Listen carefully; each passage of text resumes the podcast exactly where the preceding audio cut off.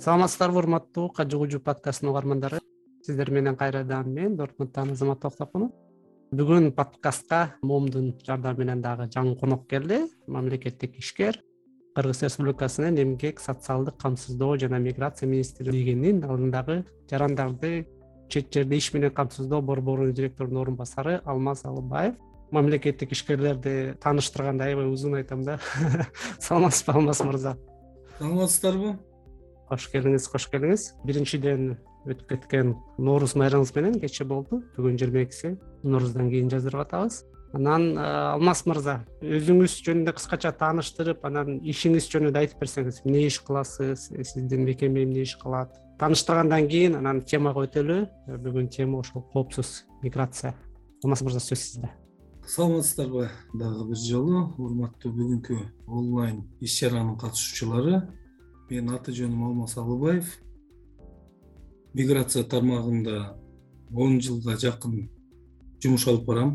Алматтык э, консультациялык борбордо биздин борбору сатылган ага чейин чет мамлекетке жумушка орноштуруу борбору деп аталган андан дагы мурун кыргыз республикасынын жарандарын жумушка орноштуруу аталат негизинен аты өзгөргөнү менен өзүнүн функциясы кыргыз республикасынын жарандарын чет мамлекетке жумушка орноштурууга көмөктөшүүчү мамлекеттик мекеме болуп эсептелет. Биз мамлекеттик органбыз. Андан сырткары биздин ошол функциябызды аткаруу мезгилинде чет мамлекеттик жумуш берүүчүлөр менен түздөн түз ортомчу агенттиктер менен андан сырткары мамлекеттик программанын негизинде биздин жарандарды чет мамлекетке жумушка орноштурабыз. Азыркы учурда бизде өтө популярный болгон бул россия федерациясына жумушка орношууга көмөктөшөбүз. Корея республикасына жумушка орноштурабыз. Бириккен арабтар эмираттарына ошонун эле катарында катар мамлекетине оман мамлекеттерине дагы жумушка орноштурабыз туркия мамлекетине эки миң он төртүнчү жылдан баштап уюштурулган түрдө программабыз иш жүзүн ашкан. Анын программанын негизинде биздин жаш кыз уландарыбыз туркияга тейлөө тармагына жумушка орношконго мүмкүнчүлүгү бар. Андан сырткары гостиница тармагында эң негизги алардын талаптары жана алардын муктаждыгы бул биздин жарандардын ушул туристтик э, сервиске тартып иштөө анталия бодрум измир шаарларында биздин жарандарыбыз сезондук түрдө эң кеми алты айдан тогуз айга чейин жумушка барып иштешип келет эми ал жерде көпчүлүк эле учурда бул жаш студенттер барып иштеп анан кийин келишет. Мындан сырткары дагы бизде эки миң жыйырманчы жылы япония мамлекети менен келишим түзгөнбүз. Relationship аттуу компания менен. Бирок пандемиядан кийин биз ал жака пандемия болуп калып адамды дагы жөнөтө албадык жана бул процесстерди толук кандуу иштеп чыга албадык. Эми азыркы учурда эки жыл өтүп кетти. Мына японияда дагы бул пандемияга байланыштуу бир топ чектөөлөр болгон. Ошол чектөөлөр азыр кыскарып бир топ жеңилдетүүлөр болуп атат. Биз дагы күтүүдөбүз ушул иш чараны иш жүзүнө ашырууга. Жалпысынан ушул биздин жумушубуз боюнча кыскача маалымат. Жакшы мен ушул германияга келгениме беш жыл болуп калды.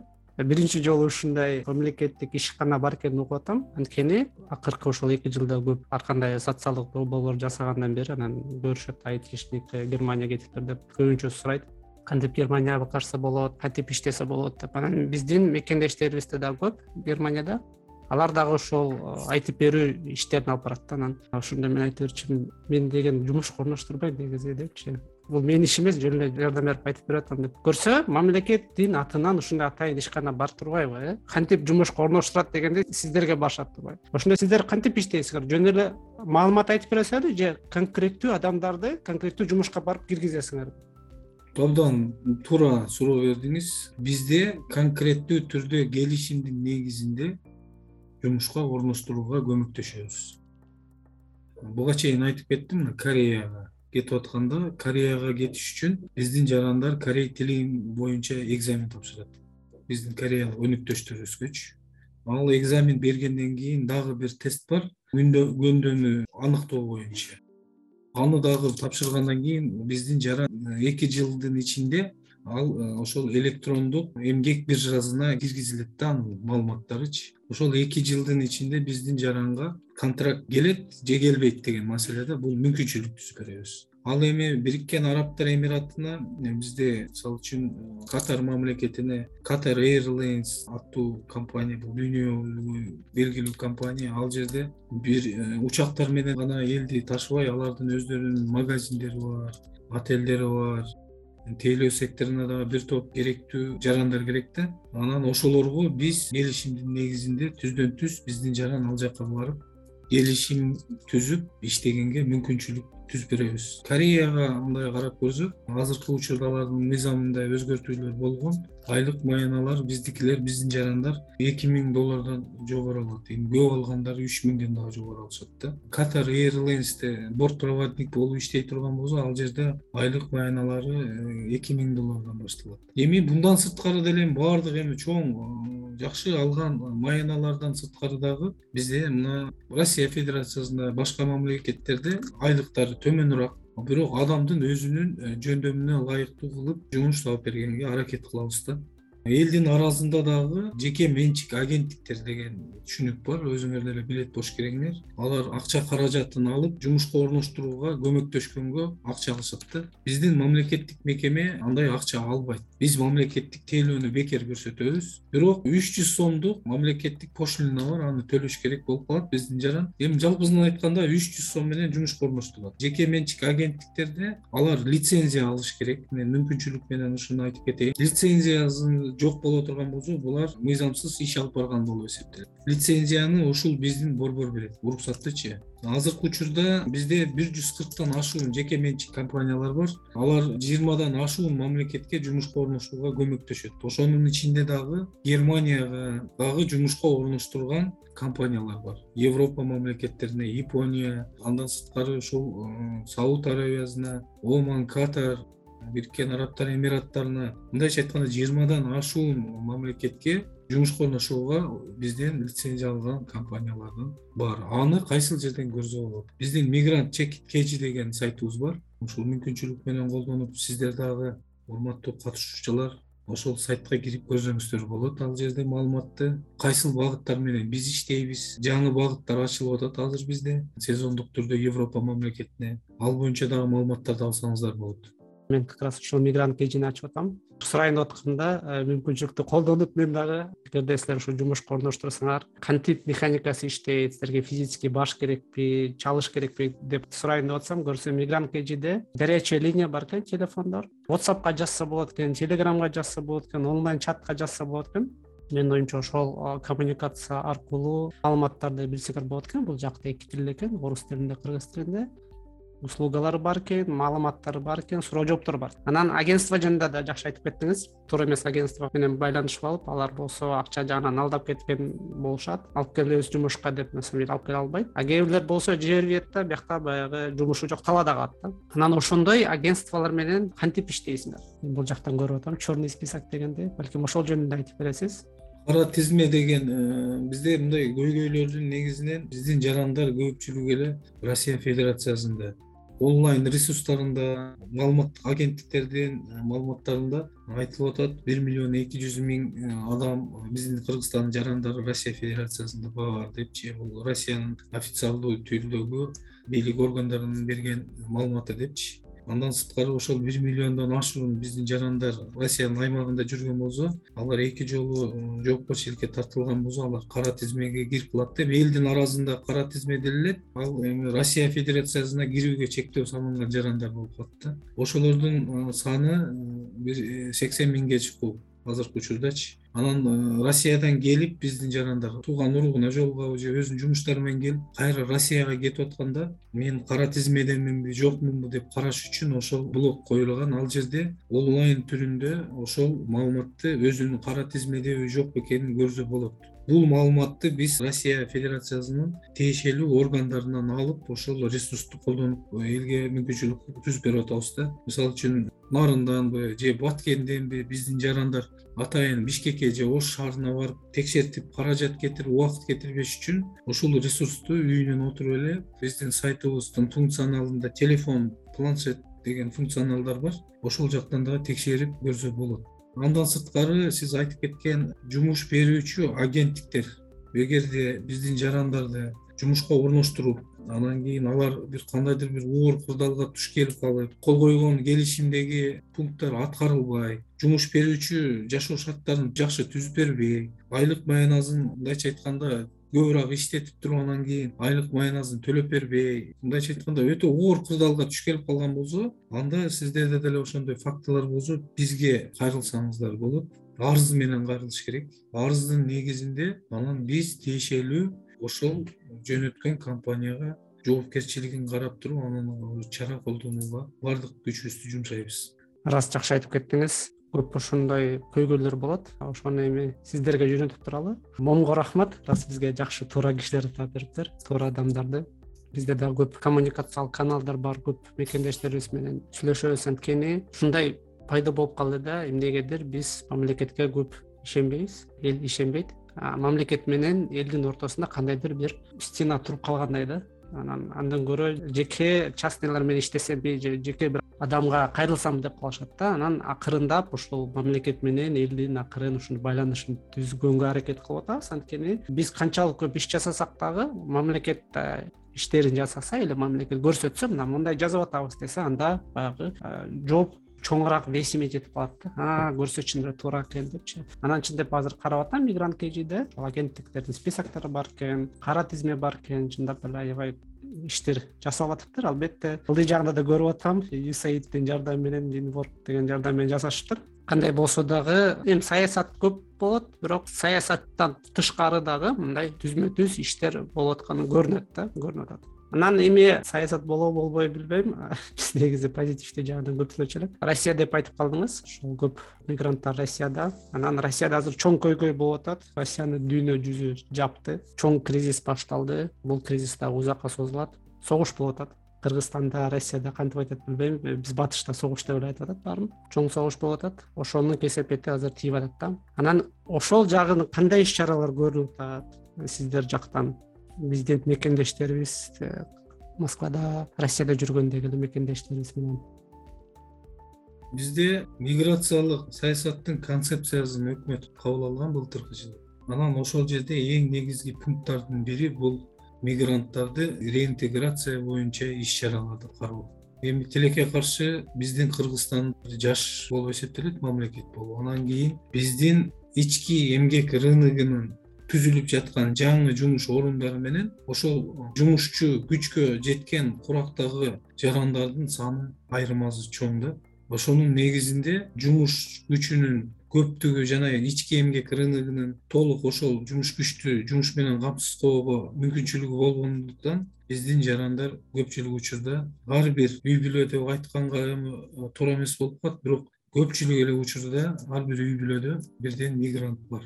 Бул абдан мындай кайгылуу жана көйгөйлүү маселелердин бири. Буга чейинки өлкө башчылар президенттер мигранттарды өз мекенине алып келем бул боюнча толук кандуу иштейм деген бир топ чакыруулар болгон. Азыркы учурда биздин жүргүзүп аткан саясатыбыз ошол ички эмгек рыногундагы ашыкча жумуш күчтү рационалдуу түрдө башка мамлекеттерге тиешелүү органдар менен келишимдерди түзүп туруп татыктуу жумуш орундары менен камсыздоо жана ошолорду өз мекенине кайра кайтаруу боюнча иш чараларды жүргүзөбүз да. Мисалы үчүн могу корея боюнча дагы мына азыр жазышып атат ага дагы жооп беребиз. Корея мамлекетине андан сырткары япония мамлекетине бириккен арабтар эмиратындагы мына арабия эйрлейнс катар эйрлейнс деген чоң чоң компанияларга жумушка орношуп турганга аракет жасап атабыз да. Бирок эгерде силер айтып аткандай биздин жарандар бул жака келип иштейм дей турган болсо бул жерде жумуш болбой калса биз башка мамлекеттерге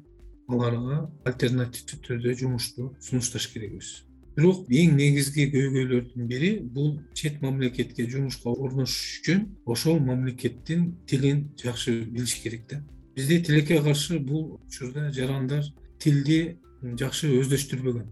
Россия федерациясына эми бизде тарыхый жактан бирге болуп бир мамлекет болгондо орус тилин өздөштүрүп орус тилинде сүйлөп жазып билген адамдардын көпчүлүгү эле эсе андан сырткары бизде орус тил расмий болуп эсептелет мамлекет тилибиз бул кыргыз тили ал дагы мүмкүнчүлүк түзүлүп туруп андан сырткары россия казакстан ушул снгнын арасындагы кээ бир мамлекеттерде визасы жок болуп эсептелгендиктен биздин миграциялык агымдар ошол жака барышат. Тарыхый жактан дагы биздин жүрүм турумдарыбыз каада салттар дей албайм бирок ошол окшоштуктарыбыз болгон үчүн биздин жарандар ошол жака кетишип атат. Ал эми мисалы үчүн германияда силер турган мамлекетте дагы ал жерде немис тилин өздөштүрүп ал жерде алардын менталитетин каада салтын мыйзамдарын билген адамдар азыраак да россия федерациясына салыштырмалуу үч ошон үчүн биздин ишканабыз мына жакында англия менен келишим түздү. Бул боюнча дагы мына сайттан көрсөңөр жаңылыктар дегенди турат. Ал жерде кантип жумушка орношсо болот? Ал баягы сезондук түрдөгү жумуш орундары менен э, биздин жарандарды англия мамлекетине жумушка орноштуруу боюнча процесс жүрүп атат андан сырткары дагы биз корея өнүктөштөрүбүз менен алардын ушул айыл чарба секторундагы айыл чарба жумуштарына сезондук жумуштарга орноштуруу боюнча дагы иш чараларды алып барып атабыз да келишим коюм боюнча. Эми азыркы учурда бул корей тарапта биздин сунуштарыбыз алар э, бизге биринчи кайрылышкан ушундай жумушту алып кетели деп анан биз макулдугубузду бергенден кийин ошол келишимди азыр э, карашып атат да юридикалык баа берүү боюнча иш чаралар жүрүп атат жалпысынан айтып калганда биздин өкмөт тарабынан дагы ушул антикризистик иш чаралар боюнча план иштелип чыгып атат азыр. Алар боюнча дагы бир топ мындай секторальный көз караш мындай чечимдер кабыл алат да айтмакчы чындап эле могу англиядагы фермаларга иштөө программасы дегенди өткөн жумада көрдүк фейсбуктан. Негизи аябай көп чыкты аябай информационный поледе чоң обсужденияга чыккан маалыматтар болгон менин оюмча. Дагы деле болуп атат анан бул сиздердин иш экенин мен дагы көрүп азыр таң калып атам чындап эле иштериңер жакшы болуп атса керек жакшы иштеп атыптырсыздар көйгөйлөргө карабай. Анан мындай оор бир темага келсек албетте эми германияга келгенде биякта бытовой кыйынчылыктарга көйгөйлөргө туш келесиң бирок бизде ошол эле жаңылыктарда угуп калабыз да. Бизде мигранттар мекендештер казакстанга барып паспортторун алдырып кул болуп калыптыр фермаларда иштейт экен анан келе албай калышты деп. Же болбосо биздин кыздарды турцияга алып барып же сирияга алып барып дагы турцияга ближний востокко алып барып бир тоже рабствого алып алышыптыр деп ушундай бир чоң көйгөйлөрдү угабыз анан сиздер дагы көп ошондойлор менен иштейт болушуңар керек. Кантип кетип калып атышат? Кантип э, маалыматтар жетпей калып атат кантип аларды силер алып келе аласыңар? Же кантип маалыматтар бере аласыңар? Ушул тема боюнча бир аз сүйлөшсөк эми бул дүйнөдө пайда алып келүүчү үч сектор бар да. Бат баюунун секторлору. Бул биринчи сектор бул курал сатуу. Экинчи сектор ушул адам сатуу жана аны эксплуатациялоо үчүнчү сектор бул эми баарына белгилүү баңгизат бул абдан бүт мамлекеттерде э, адам сатуу болбогон учурда дагы адамды эксплуатациялоо бул фактылар баардык жерде эле кездешкен нерсе да биздин кыргызстанда көпчүлүк учурда чет мамлекетке кетер алдында жарандар өздөрүнүн кайсыл мамлекетке кетип атат? Эмгекти келишимдин негизинде кетип атабы же өз алдынча эле кетип атабы деген маселе да. Мисалы үчүн германияга жумушка орношом деп бара турган болсоң силердин азыркы учуруңар боюнча айтсам ал жерде германиялык жумуш берүүчү өзүнүн эмгек келишимин биринчи жөнөтөт аны бул жакта жаран окуйт. Окугандан кийин биздин мыйзамда тышкы эмгек миграция мыйзамында мындай деп жазылган. Эмгек келишимин жумуш берүүчү биздин кыргыз жаранына биринчи жөнөтүш керек. Ал түшүнгөн на понятном языке или на значит русском языке. Негизинен бизде келишимдерди ар бир мамлекет өзүнүн тилинде жөнөтөт да ошол биздин жаран келишимди алганда аны карабай эле коюп койгон учурлар көп да. Аны караш керек ошол тилди билиш керек ошо чет мамлекетке кетип аткандачы анан тилин билбей эле мындай европа десе эле баардыгы ойлойт эми ал жерде сонун нерселер бар барып көп нерсени билип келем деп. Бирок билиш үчүн тил билбесең ал жердин каада салттарын билбесең өн бир жүрүм турумдар болбош керек да. Ошон үчүн биздин жарандарда ушундай оор кырдаалга туш келип калганы анын өзүнүн маалыматка ээ болбогону деп биз эсептейбиз. Биринчи андан сырткары оор кырдаалга туш келип калганда ал кайсыл кимге кайрылуу боюнча дагы телефондор болуш керек. Бизде справочник мигранта деген мобилдик тиркемебиз бар. Бул дагы эл аралык миграция уюму тарабынан каржыланган. Ошол жерде мобилдик тиркемени көчүрүп туруп карап көрсөңүздөр болот. Ошол жерде баардык биздин россия федерациясындагы же башка мамлекеттерде дипломатикалык консулдук мекемелердин баардыгынын телефондору бар андан сырткары диаспоралардын жетекчилеринин телефондору бар ошол жака кайрылса болот да биздин жарандар. Бир оор кырдаалга туш келип калганда маалымат жөнөтүш керек. Мен ушундай болуп калдым кыйын болуп калды жардам бергиле деп. Кандай түрдө ошондой шектенүү болгондо биздин мамлекетте мынакей whatsapp номерин сиз буга чейин белгилеп кеттиңиз. Whatsapp аркылуу же telegram аркылуу же смс аркылуу ушул биздин сайт аркылуу кайрылып маалымат таштаса анан биздин тиешелүү кызматкерлер бул боюнча кейс оформлять этип анан ишти алып кетишет да.